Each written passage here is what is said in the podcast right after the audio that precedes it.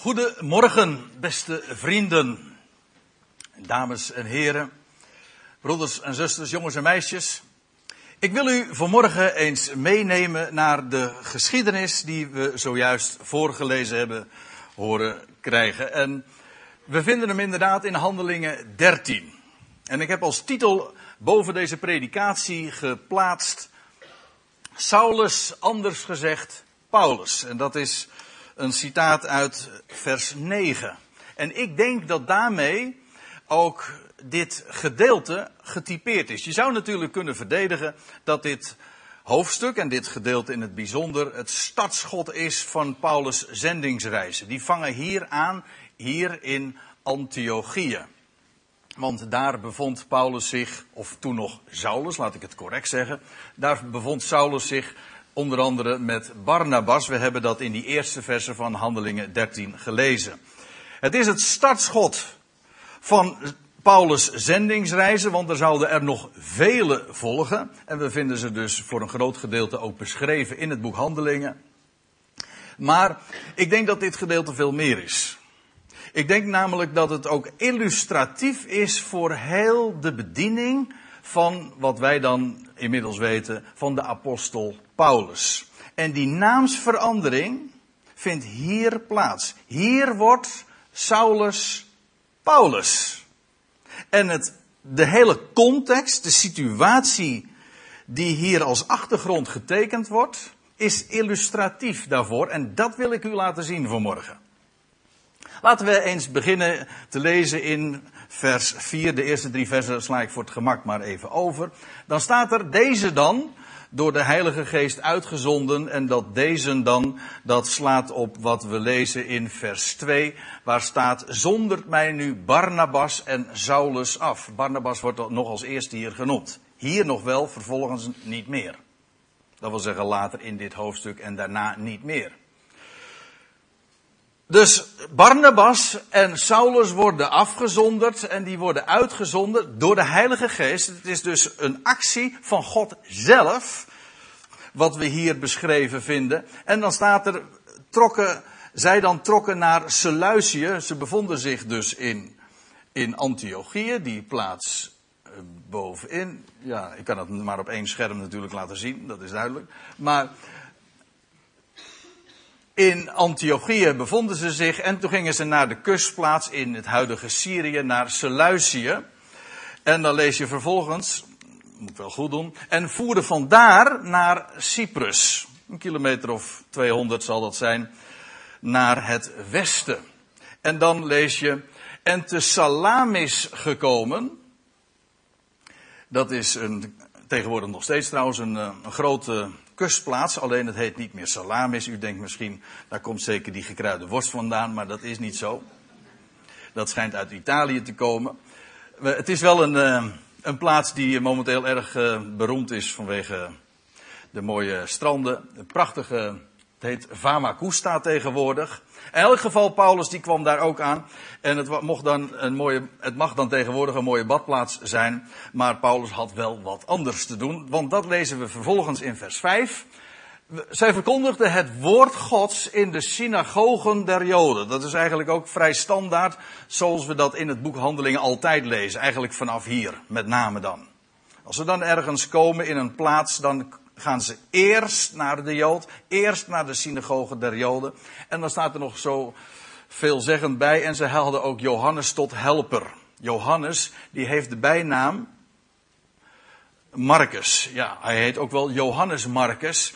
En daar zou later nogal wat gesteggel over zijn. Want zo mag je dat wel noemen. Er ontstond later uh, verdeeldheid, oneenigheid tussen tussen Barnabas en Saulus over, over deze helper, omdat ja, later deze Johannes eh, niet zo'n getrouwe helper bleek te zijn. Afijn, toen was er al oneenigheid, dus ik zou zo zeggen, u bent getroost, er is niks nieuws onder de zon, als u daar ook wel eens mee te maken hebt. Dat waren geweldige werkers voor, voor de heren, maar niettemin er ontstond uh, toch ook eens verdeeldheid daarover, oneenigheid. Afijn, hier was dat allemaal nog niet aan de orde. Zij verkondigden het woord Gods daar in dat Salamis, in de synagoge der Joden. En ze hadden ook Johannes, staat er, tot helper.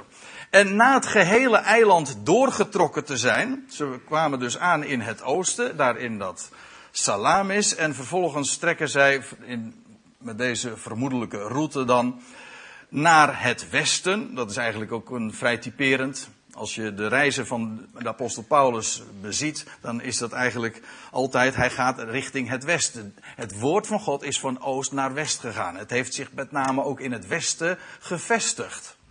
Nou, hier zie je dat dus ook. Ze gingen naar het, eh, na het gehele eiland doorgetrokken te zijn, kwamen ze aan Pavos en dan zijn we inderdaad aan de westkant.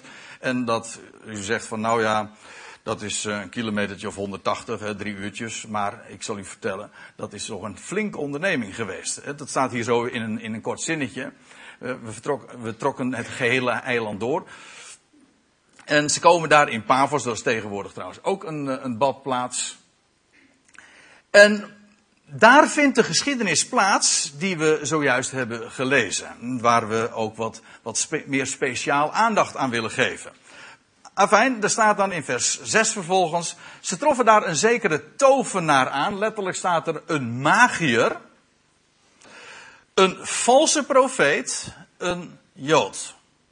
En elke statement die hier gedaan wordt, elke, elk onderdeel van de beschrijving, is in hoge mate typerend. Ik wijs u er nu meteen al op. Natuurlijk kun je eh, zeggen dat dit gewoon een beschrijving is, een feitelijk verslag van hoe het gegaan is. Jawel, maar waarom wordt het zo beschreven en waarom vond het zo plaats? Wel omdat er een diepere zin in gelegen is. Maar dat moet u niet verbazen, zo gaat het nu eenmaal altijd met het woord van God. En ze troffen daar een zekere tovenaar aan, iemand die indruk wilde maken met zijn eigen werken. En als ik het zo zeg, dan is dat ook dubbelzinnig. Iemand die indruk wilde maken met zijn eigen werken. Een valse profeet. Dat wil zeggen, het was een profeet. Hij, hij sprak het woord, maar het was vals woord. Hij vervalste het woord van God. Een vals profeet was het. Het was een Jood. En ook dat is in deze context een veelzeggend gegeven. En dat wil ik u ook laten zien, maar ik, ik, ik ga nu nog even daaraan voorbij. Want we lezen dan vervolgens, zijn naam was Bar Jezus. Dat, dat, daarvan zou je misschien op het eerste gezicht kunnen denken van, nou, dat, dat klinkt goed. Hè?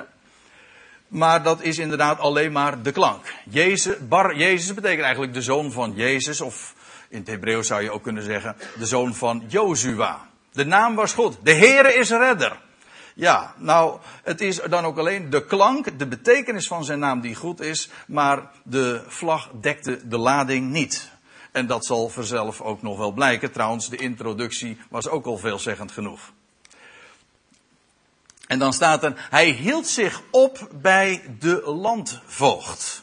Dus Saulus en Barnabas zijn daar in het westen van, van het huidige Cyprus aangekomen. Trouwens, toen heette dat ook al zo. Ze kwamen daar in Cyprus aan. En uh, daar, bevind, daar treffen ze een, een Elimas. En die bevond zich bij de landvoogd. Of andere vertalingen zeggen. Het was een proconsul. Het was een Romeinse stadhouder. Een stadhouder van een Romeinse provincie. Een zeer geziene functie had die man. En dan lees je dat hij Sergius Paulus heette. En dat is eigenaardig. Dat is hoogst eigenaardig. Waarom is dat zo eigenaardig? U zegt die naam Paulus kom je toch zo vaak tegen in de Bijbel? Dan zeg ik ja, dat is ook zo. Die naam kom je maar liefst zo ongeveer 160 keer tegen in het Nieuwe Testament. En het frappante is, dit is de eerste keer. Dit is de eerste keer dat we de naam Paulus tegenkomen.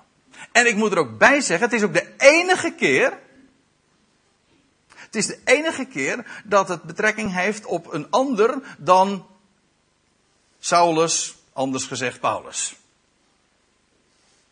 En, en die beide, zowel dat eerste, die eerste vermelding van de naam Paulus als ook de naamsverandering van Paulus, dat vinden we allemaal in één context.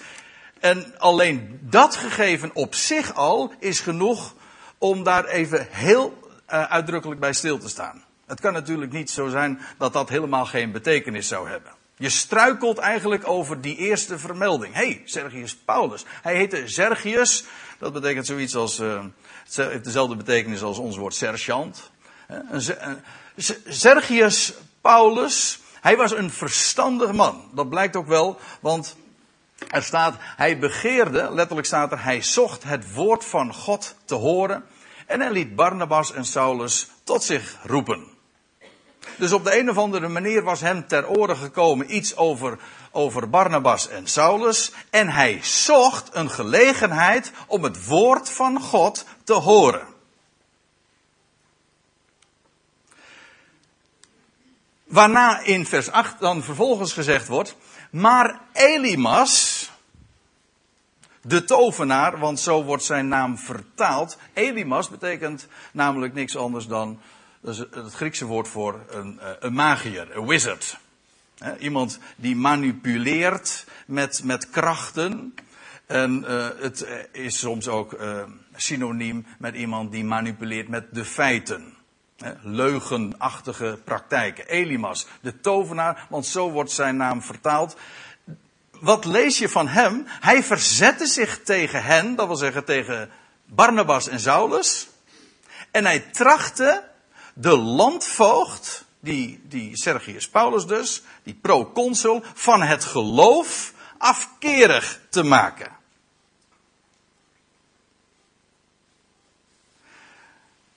Stel je de situatie even goed voor. Wat is hier aan de hand? Je hebt hier dus aan de ene kant Elimas, een Jood. En aan de andere kant Sergius Paulus, hij was een heiden. En ik moet erbij zeggen, hij was ook niet zomaar een heiden. Want we vinden al eerder in het boek Handelingen dat daar een, dat daar een heiden wordt aangesproken. Beroemd is Handelingen 10. Dat we de geschiedenis lezen over Cornelius. Niet waar? Die, waar Petrus naartoe mocht gaan om hem het evangelie van Jezus de Messias te, te brengen.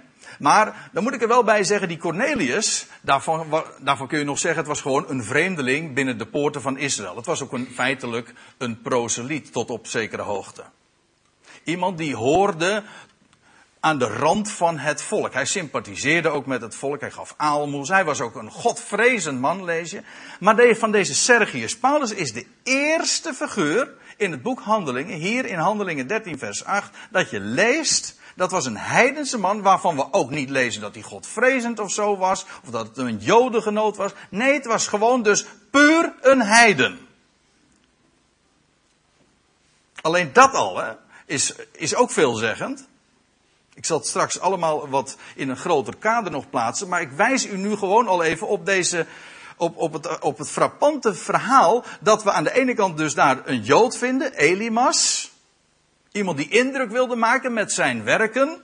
En aan de andere kant een Sergius Paulus, een heiden. En de ene was afkerig van het geloof en dat niet alleen. Hij probeerde ook afkerig te maken van het geloof. Hij was niet alleen zelf afkerig, maar hij probeerde ook alles te verhinderen dat deze Sergius Paulus, deze proconsul, ook het woord van God zou horen. De ene zocht het woord van God te horen en uitgerekend die Jood, is, lezen we niet van de Joden, aan hen zijn de woorden Gods toevertrouwd. En als ze dan toch één taak zouden hebben, dat volk, dan is dat juist om dat woord door te geven. Maar wat hij deed was, hij trachtte Sergius Paulus afkerig te maken van het geloof. Van het geloof.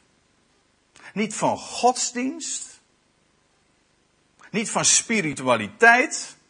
In slotverrekening eh, deze uh, Elimas was zelf eigenlijk ook altijd spiritueel bezig. Jawel. Maar hij trachtte Sergius Paulus afkerig te maken van het geloof, zoals hij zelf ook afkerig was van geloof. En dan wil ik er ook nog even dit bij zeggen, dat in de Bijbel het woord geloof staat tegenover werken. Dat kun je op heel wat plaatsen lezen. Juist is het de apostel Paulus die dat in zijn brieven zo geweldig uiteenzet. Geloof staat tegenover werk. Als er staat door geloof en niet door werken. Wat betekent dat? Wel, geloof heeft te maken met een belofte.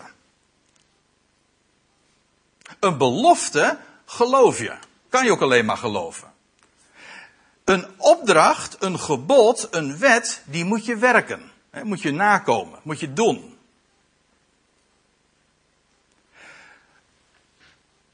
Een belofte kun je slechts geloven. Die kun je niet werken. God belooft. En wat als God iets zegt, dan doet hij het. Wel, deze Sergius Paulus die wilde het woord van God horen. En deze, maar daarentegen die Joodse Elimas, die wilde juist hem afkerig maken van geloof. Ook dat is veelzeggend, want het grote probleem in de geschiedenis van Israël is altijd geweest. En dat vind je al bij de profeten.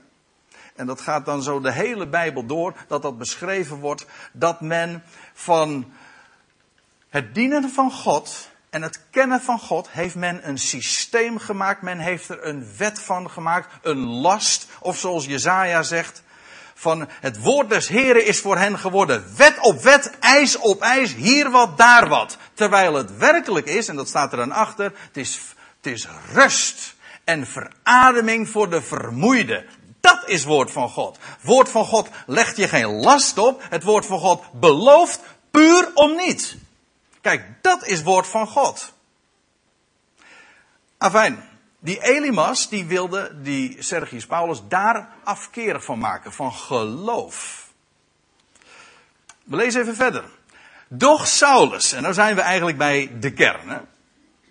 bij de titel ook van deze predikatie. Doch Saulus, anders gezegd, Paulus, hier vindt die naamsverandering van Saulus naar Paulus plaats. Hiervoor was het altijd Saulus. En hierna zal het vervolgens altijd Paulus blijven. Tenzij hij eens in een, uh, refereert aan, aan de vroegere geschiedenis toen hij geroepen werd. Dan, dan vind je weer de naam Saulus. Maar vanaf Handelingen 13 vers 9 er wordt Saulus, Paulus. Zo consequent als hij hiervoor Saulus heette, zo consequent heet hij in het vervolg, dus pakweg 159 keer, heet hij vervolgens altijd Paulus. Hier bij deze gelegenheid. Hier in de stad Paphos, waar die Elimas was en die Sergius Paulus, die heiden, daar wordt Saulus Paulus. Ja. Ik lees even verder. Want die, dan, dan, vind je, dan vindt er iets plaats wat vrij uitzonderlijk is, want Paulus trekt dan heel fel van leer. Dat doet hij wel eens vaker. En weet u wanneer dat eh, het geval is? Nou, ik kan zo wel een paar voorbeelden geven hoor. Maar Paulus is de apostel altijd van, van genade, van vreugde. Maar als hij furieus wordt, dan is het wanneer de genade teniet gedaan wordt. Als aan de genade van God afgedaan wordt. Meestal gemixt wordt met werken en toch weer met lasten. Dan wordt hij inderdaad furieus, zie je hier ook. Want dan lees je dus Saulus, anders gezegd Paulus, vervuld met heilige geest, dus was het werkelijk ernst. Hij spreekt hier rechtstreeks woorden van God. Hij zag hem scherp aan en hij zeide, zoon van, van de duivel. Ik heb een beetje een, eh, een hekel aan dat woordje duivel, omdat het eh, van die, van die rare ouderwetse mythologische associaties oproept. Maar als je het woord gewoon neemt zoals het, zoals het zich in het origineel aandient, dat is het woordje diabolos, dat betekent gewoon iemand die de dingen door elkaar gooit. Dia betekent door en bolos heeft, eh, bal, dat heeft met werpen te maken. Die, door elkaar gooien. En dat is wat die Elimas deed. Hij gooide de boel door elkaar. En feitelijk, je vindt hier een hele rits van beschuldigingen, maar feitelijk is maar één beschuldiging. Namelijk, hij, was, hij gooide de dingen inderdaad door elkaar. Een zoon des duivels, vol van allerlei list en streken. Maar ook dat is door elkaar gooien, listig, de dingen verdraaien. List en streken. Als je zo zegt, dan, dan komt die S er ook nog eens een keertje heel erg uit. De S, dat is die, die slang, ja. Die slangenletter. dat, dat sissen ook meteen. Ja, vol van allerlei list en streken. Vijand van alle gerechtigheid. Doe maar. Paulus pakt uit. Hè? Ja, maar hij had er ook alle reden toe. Want Hij zegt vijand van alle gerechtigheid. Kijk, wat, wat rekent de, de Bijbel tot gerechtigheid? Ik kan die vraag makkelijk zo stellen hoor. Want er wordt rechtstreeks ook zo in de Bijbel beantwoord. Nou, als u het niet zegt, dan zeg ik het. God rekent geloof tot gerechtigheid. Nou, daar was hij nou inderdaad een vijand van. Geloof, ja. Geloof in de belofte Gods. Hij, wilde, hij was zelf afkerig hij, en hij deed, en waar, waar zijn activiteiten uit bestonden, was vooral ook die, die Sergius Paulus ook afkerig te maken van het woord van God. Nou, als er één ding is wat je nooit in je leven zou moeten doen, dan is het woord van God blokkeren en zeker niet verdraaien. Het woord van God, het woord van geloof, het woord van belofte, het woord van genade. Laat het staan, dat zou verteld moeten worden.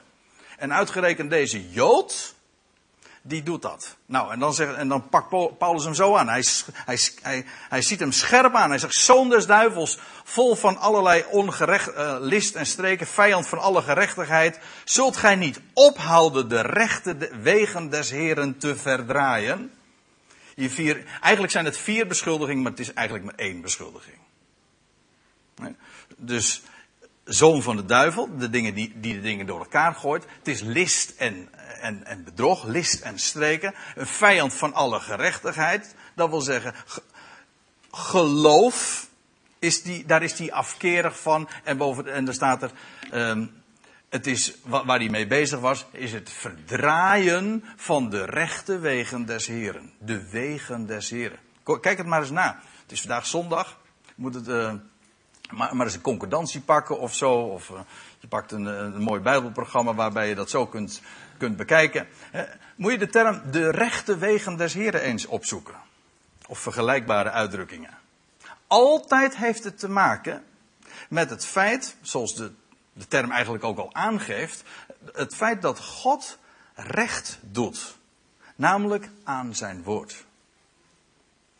Dat de rechte wegen des Heren is dat God doet wat hij zegt. Hij is betrouwbaar.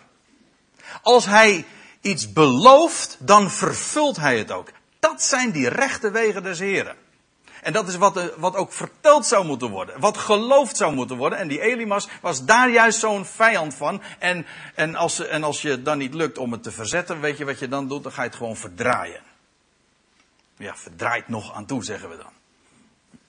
Dat is wat hij deed. Hij verdraaide dat. En dan staat erbij, zult gij niet ophouden die rechte wegen des heren te verdraaien? Dat is een retorische vraag, want daar zou die inderdaad mee ophouden. Dat zal hem nu aangezegd worden. Maar let even op dat woordje ophouden. Weet u wat daar in het Grieks staat? Dit woord. Wat we direct herkennen, pauze. Ons woord pauze komt daar ook direct vandaan. Of indirect, maar in ieder geval het komt er vandaan. Zult gij niet ophouden de rechte wegen des Heren te verdraaien? Ja. En dan wil ik op nog iets wijzen, want daarvoor las je dus deze naam. Paulos. Ik heb de, voor, het, uh, voor de aardigheid heb ik het meteen ook in het Grieks er ook maar even bij gezet. Hoe het in het Grieks daarbij gezet wordt. Maar u ziet natuurlijk wel de overeenkomst. Daar zit dit woordje in, pauw. En pauw heeft te maken, dat, dat is inderdaad stoppen. Dit. Dit betekent, dat, dat, woord, dat Griekse woord Paul, dat betekent stoppen, doen, ophouden. Paulus betekent, als je het als Griekse naam opvat, en de hele context wijst daar ook op, ik zal straks nog wat nuanceren, maar nu wijs ik er alvast op. Hij staat, er staat, zult gij niet ophouden de rechte wegen des Heren te verdraaien. En dan wordt dat woord pauze gebruikt pauze. En Paulus heeft daar alles mee te maken. Iets doen ophouden. Iets beëindigen. De wacht aanzeggen. Of zoals u op het, de achtergrond van het plaatje misschien ziet. Ik weet niet of het er erg uit de verf komt. Ja, daar zie je een, daar zie je een stopwatch. Een stopwatch indrukken. Eigenlijk is dat hier ook de gedachte in dit, dit gedeelte. De, inderdaad, de, de, er wordt een pauze ingeluid, er wordt stop gezegd, maar het zal bij gelegenheid weer verder gaan. Maar daar wil ik u dan vervolgens op wijzen. Want wat er dan staat. En, en nu, dat zegt Paulus is dus aan het woord. Hij, hij kijkt die Elimas scherp aan. Hij zegt. En nu zie de hand des Heren keert zich tegen u. Ook weer dat, die gedachte van tegen, tegenkeren, maar ook het doen ophouden. Die Elimas wordt hier de wacht aangezegd. En gij zult een tijd lang blind zijn en de zon niet zien. In het Grieks staat daar eigenlijk het woordje totdat. Ja, een tijd lang wil, wil dus gewoon zeggen van voor een tijd. Tot op de, letterlijk staat er, tot op de gestelde tijd. Dus deze Jood, die afkerig was van het woord, en ook die heiden afkerig wilde maken van het woord, die wordt aangezegd dat hij een, voor een tijd, tot de gestelde tijd, blind zou zijn en de zon niet zou zien.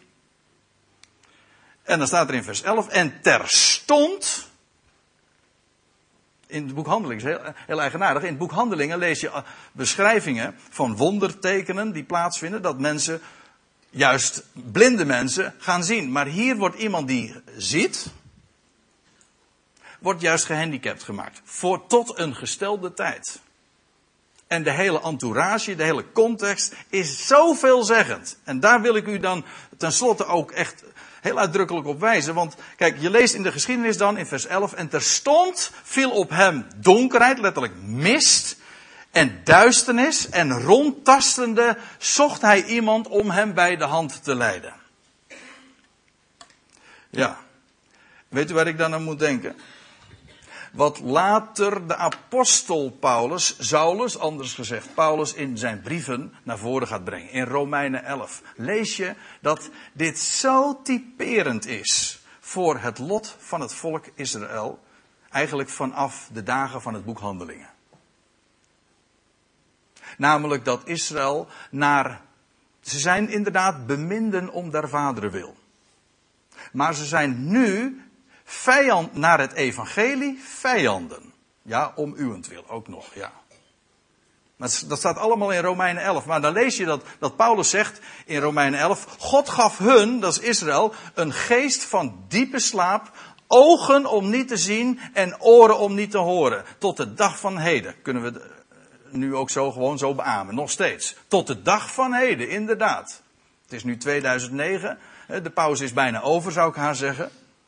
Maar niettemin, tot de dag van heden is dat het geval. Een geest van diepe slaap, ogen om niet te zien. En dan staat er bij in Romeinen 11 nog, laten hun ogen verduisterd worden, zodat zij niet zien. Ziet u de connectie? Tussen wat, wat Israël als volk zou wedervaren en dat wat e- Elimas overkwam. Laten hun ogen verduisterd worden, zodat zij niet zien. En dan staat er nog bij, doe hun rug voortdurend, of eigenlijk, ja, dat staat er echt niet voor goed, want het heeft een totdat, maar doe hun rug voortdurend zich krommen. Dat heeft ook weer te maken met die last die men op de schouders had en die men niet kon dragen. De last van de wet en de last van werken, de last van schuld, die, waar een mens onder gebukt gaat en die je niet kan dragen. Waar je ook niet vrolijk van wordt, want de normale houding van een mens, als je echt een mens bent, dan kijk je omhoog. Dat betekent het woord mens ook, als je het vanuit het Grieks benadert. Iemand die omhoog kijkt. Maar goed, hier van, deze, van het volk Israël lees je dat ze verblind zouden worden. En, en dat is exact ook wat met die Elimas gebeurt. Typerend. Wat er in Handelingen 13 vind, plaatsvindt, is typerend. En Paulus legt het in zijn brieven allemaal keurig uit. Nou, dan lees ik tenslotte nog even wat er in, in, de, in de geschiedenis van, van uh, Handelingen 13. Toen de landvoogd zag wat er gebeurd was, kwam hij tot geloof. Letterlijk staat er, hij geloofde. Zeer getroffen door de leer des Heren.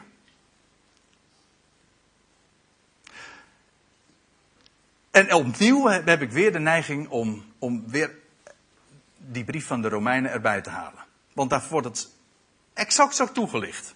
Daar staat, door hun val, door, dat wil zeggen door het ongeloof van Israël, denk even aan Elimas, door hun val is het heil tot de heidenen gekomen om hen tot naijver, tot jaloezie op te wekken. Nou, dat is wel gelukt, zeg. Die jaloezie. Het niet kunnen hebben dat. Maar Israël geloofde niet, maar juist door het ongeloof van Israël gaat het heil, gaat er de boodschap van redding naar de heidenen. En dat is een enorme verandering in het boek Handelingen. Want in aanvang, in aanvang, was de verwachting van, nou aan Israël wordt het evangelie verkondigd, hè, de boodschap van de koning. En als, als Israël tot geloof komt, dan zal de koning terugkomen en zijn, en zijn koninkrijk gaan opbouwen hier op aarde en vestigen op aarde. Maar wat er gebeurde, er, gebeurde iets heel anders. Namelijk dat Israël afkerig was, maar juist door die afkeer roept God een andere man, Saulus, genaamd. Anders gezegd, Paulus. En door hem gaat dan vervolgens de boodschap, juist vanwege het ongeloof van Israël, naar de heidenvolkeren. Voor een bepaalde tijd, ja. Totdat een verharding is over Israël gekomen. Daar staat erbij, totdat. En het moment gaat aanbreken. En duurt niet lang meer. Dan is inderdaad die pauze, die onderbreking in de heilsgeschiedenis voorbij. Nou, ik lees nog even verder in Romeinen 11. Daar staat, betekent nu hun val rijkdom voor de wereld? Ja, ja, Israël kwam, geloofde niet, maar juist daardoor ging een machtige boodschap van genade tot de heidenwereld. Nou, hun val betekent al rijkdom voor de wereld. Moet je even voorstellen. Wat zal hun, eh, als een tekort bovendien rijkdom voor de heidenen is, hoeveel te meer zal dan hun volheid zijn? Wat zal het als de val, het ongeloof van Israël, zo'n geweldige impact had voor de heidenwereld? Wat zal het gaan betekenen als zij tot geloof gaan komen? Dat is wat Paulus hier zegt. Ja, en weet u waar ik dan ook nog aan moet denken? Dat wil ik u dan ook niet uh, onthouden. Wat we lezen in, in Efeze 3. Wat Paulus daar zegt. Dan zegt hij, mij verreweg de geringste van alle heiligen is deze genade te beurt gevallen. Om aan de heidenen, om aan de natie de onnaspeurlijke rijkdom van Christus te verkondigen. Ja, want dan wil ik dan ook nog even zeggen. Kijk, wat ik u vanmorgen vertel over, over Paulus en dat dat die naam te maken heeft met pauze. Dat is hier misschien bekend, maar meestal is het erg onbekend. Meestal zegt men van ja, de naam Paulus dat betekent eigenlijk kleintje. Dat is namelijk de Latijnse lezing of vertaling van zijn naam. En ik heb er helemaal geen zin in om daar nu een strijd over te gaan voeren. Want volgens mij is daar geen conflict. Als je het op, met Latijnse ogen leest, dan betekent de naam Paulus kleintje. En ik kan het perfect plaatsen. Al was het maar in het licht van dit gedeelte. Paulus zegt, ik ben de geringste van alle heiligen. Weet je wat hij zegt? Ik ben de grootste der zondaren. Hij zegt, ik ben niet waard een apostel te heten, want ik heb, ik heb de gemeente gods vervolgd. Maar juist daarom omdat hij niets verdient. Hij is de grootste der zondaren. Heeft God gezegd, jou wil ik gaan gebruiken om een boodschap van louter genade aan de natie te verkondigen. Daarom. De geringste, degene die totaal niet verdient, juist die heb ik nodig om te demonstreren wat Gods genade, maar een boodschap om niet vermag. Ja, dat is op zijn Latijns opgevat. Dus ik, er is volgens mij helemaal geen strijd. Vat het op zijn Grieks op dan krijg je de gedachte van de naam Paulus heeft te maken met een pauze, een onderbreking. Israël die tijdelijk op een zijspoor gezet wordt, totdat Israël die tijdelijk niet ziet, een vijand is van het evangelie, om onsentwil, dat is waar. En uiteindelijk zal ook Israël de ogen geopend worden en dan zullen zij zien wie ze ooit hebben doorstoken. En dan zal het koninkrijk ook aanbreken. Dus het heeft, de naam Paulus heeft te maken, ja, zowel met de geringste inderdaad, maar het heeft ook te maken met pauze. Ik zal u nog wat vertellen, want als je het op zijn Hebreeuws leest, dat is het echt het laatste. Maar als je het op zijn Hebreeuws opvat, dan krijg je ook nog iets heel moois. Het houdt niet op. Want, kijk, de, het verschil tussen Saulus en Paulus is maar één letter. De S verandert in een P. En als je het in het Hebreeuws zegt, dan zeg je, de shin wordt een P. U zegt, oh. Dan zeg je, ja, nou, maar met Hebreeuwse letters is wat aan de hand. Hebreeuwse letters zijn in de eerste plaats cijfers. Maar, dan, maar het is eigenlijk ook nog een pictogrammetje, zou je kunnen zeggen. Het, het staat voor een woord. Want de shin is niks anders dan een kies. Niet van kieskeurig, nee, van kies. Weet je, een vermaler.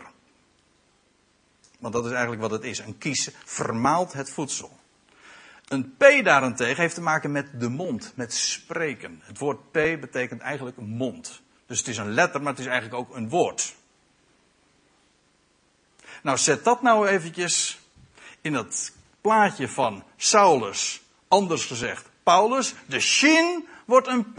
De vermaler Degene die de gemeente Gods verwoestte, de grootste der zondaren, die, de geringste van alle heiligen, dat kleintje, ja, die, die totaal niks verdiende, die zocht God uit en hij zegt, in jou ga ik mijn genade demonstreren en door jou ga ik de volkerenwereld vertellen van Gods genade en dat ik niet alleen maar de schepper van deze wereld ben, maar ook de redder ben van deze wereld. Dat beloof ik puur om niets. Daar kun je niks aan doen. Daar kun je trouwens ook niks aan afdoen. Dat is namelijk een belofte. En dat is geloof. En God geeft om niet uit zijn rijkdom. Hij voorziet bovendien, zegt hij, in al onze behoeften. Hij belooft. En daaruit mogen wij leven. En daarom kunnen we ook zo, hebben alle reden om opgericht te zijn. Hè? Om opgericht naar boven te kijken. En om ons te bezig te houden met die geweldige rijkdom waar, waar de apostel Paulus, de onnaspeurlijke rijkdom van Christus.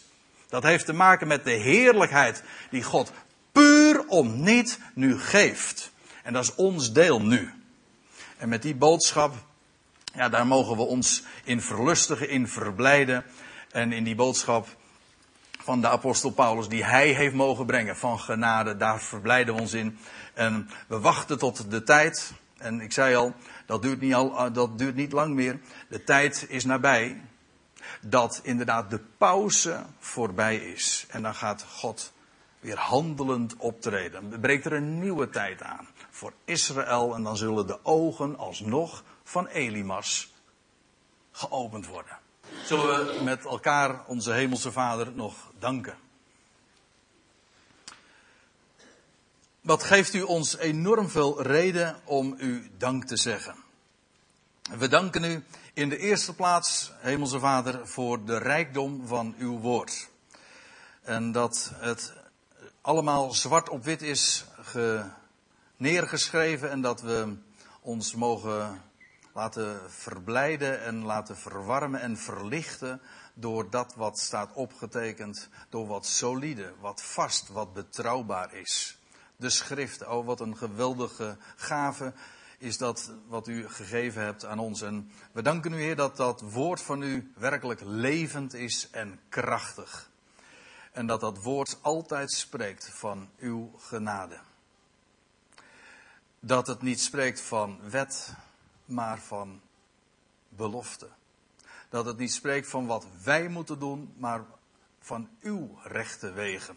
En dat wij in die rechte weg Namelijk van dat wat u zegt en wat u ook zult vervullen, wat u belooft en wat u ook zult doen, dat we daarin mogen wandelen. En dat we op mogen zien naar boven en dat u zo ook ons vult met vrede en met blijdschap en met heerlijkheid. En dat, daar we, dat we daardoor ook licht in de ogen hebben, dat we dat licht ook mogen laten stralen in een donkere wereld. In een wereld die, die gebukt gaat inderdaad onder zorgen, onder pijn, onder moeite.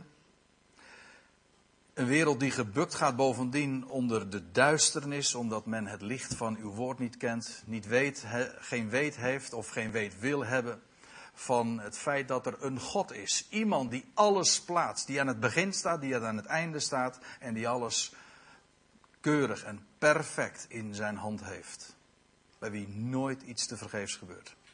Heer, we danken u dat u ons zo'n woord hebt gegeven. En dat we ons ook vanmorgen zo in heel eenvoudig mochten bezighouden met zo'n geschiedenis. Die op het eerste gezicht misschien niet eens zo heel veel betekent dan alleen dat het een verhaal is uit een, uit een grijs verleden. Maar wat blijkt is dat het zo veelzeggend is. Omdat het spreekt ook van uw handelen in de tegenwoordige tijd. Israël tijdelijk op een zijspoor gezet. Verblind, een vijand van het evangelie, afkerig van het geloof. En tegelijkertijd dat het woord gaat naar heidenen die het om niet ontvangen. Niet omdat ze de wet houden, maar gewoon omdat ze belangstelling hebben voor uw belofte.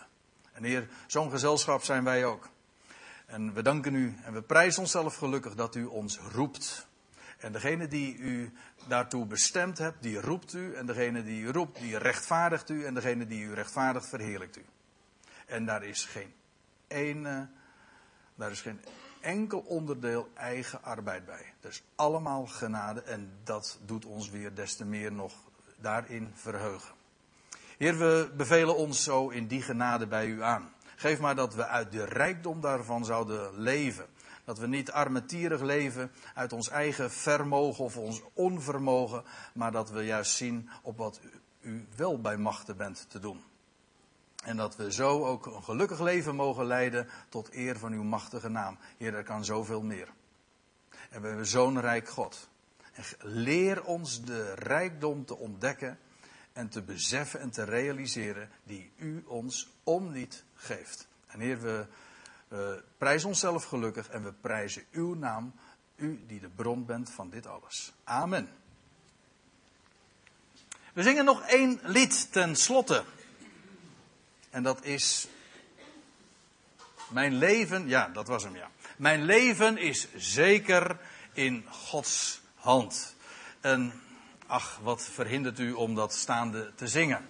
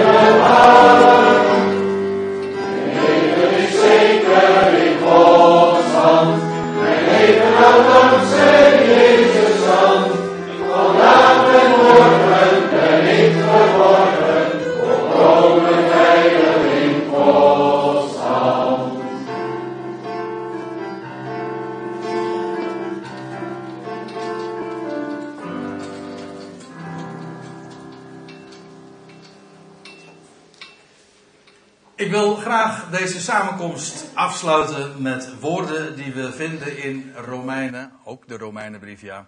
Romeinen 15. En daar schrijft Paulus, en dat woord mogen we wel heel ter harte nemen. De God nu van de hoop, vervullen u met louter vreugde en vrede in het geloof. Om overvloedig te zijn in die hoop door de kracht van zijn geest. Amen. Ik wens u nog een hele goede zondag. God zegen en tot ziens.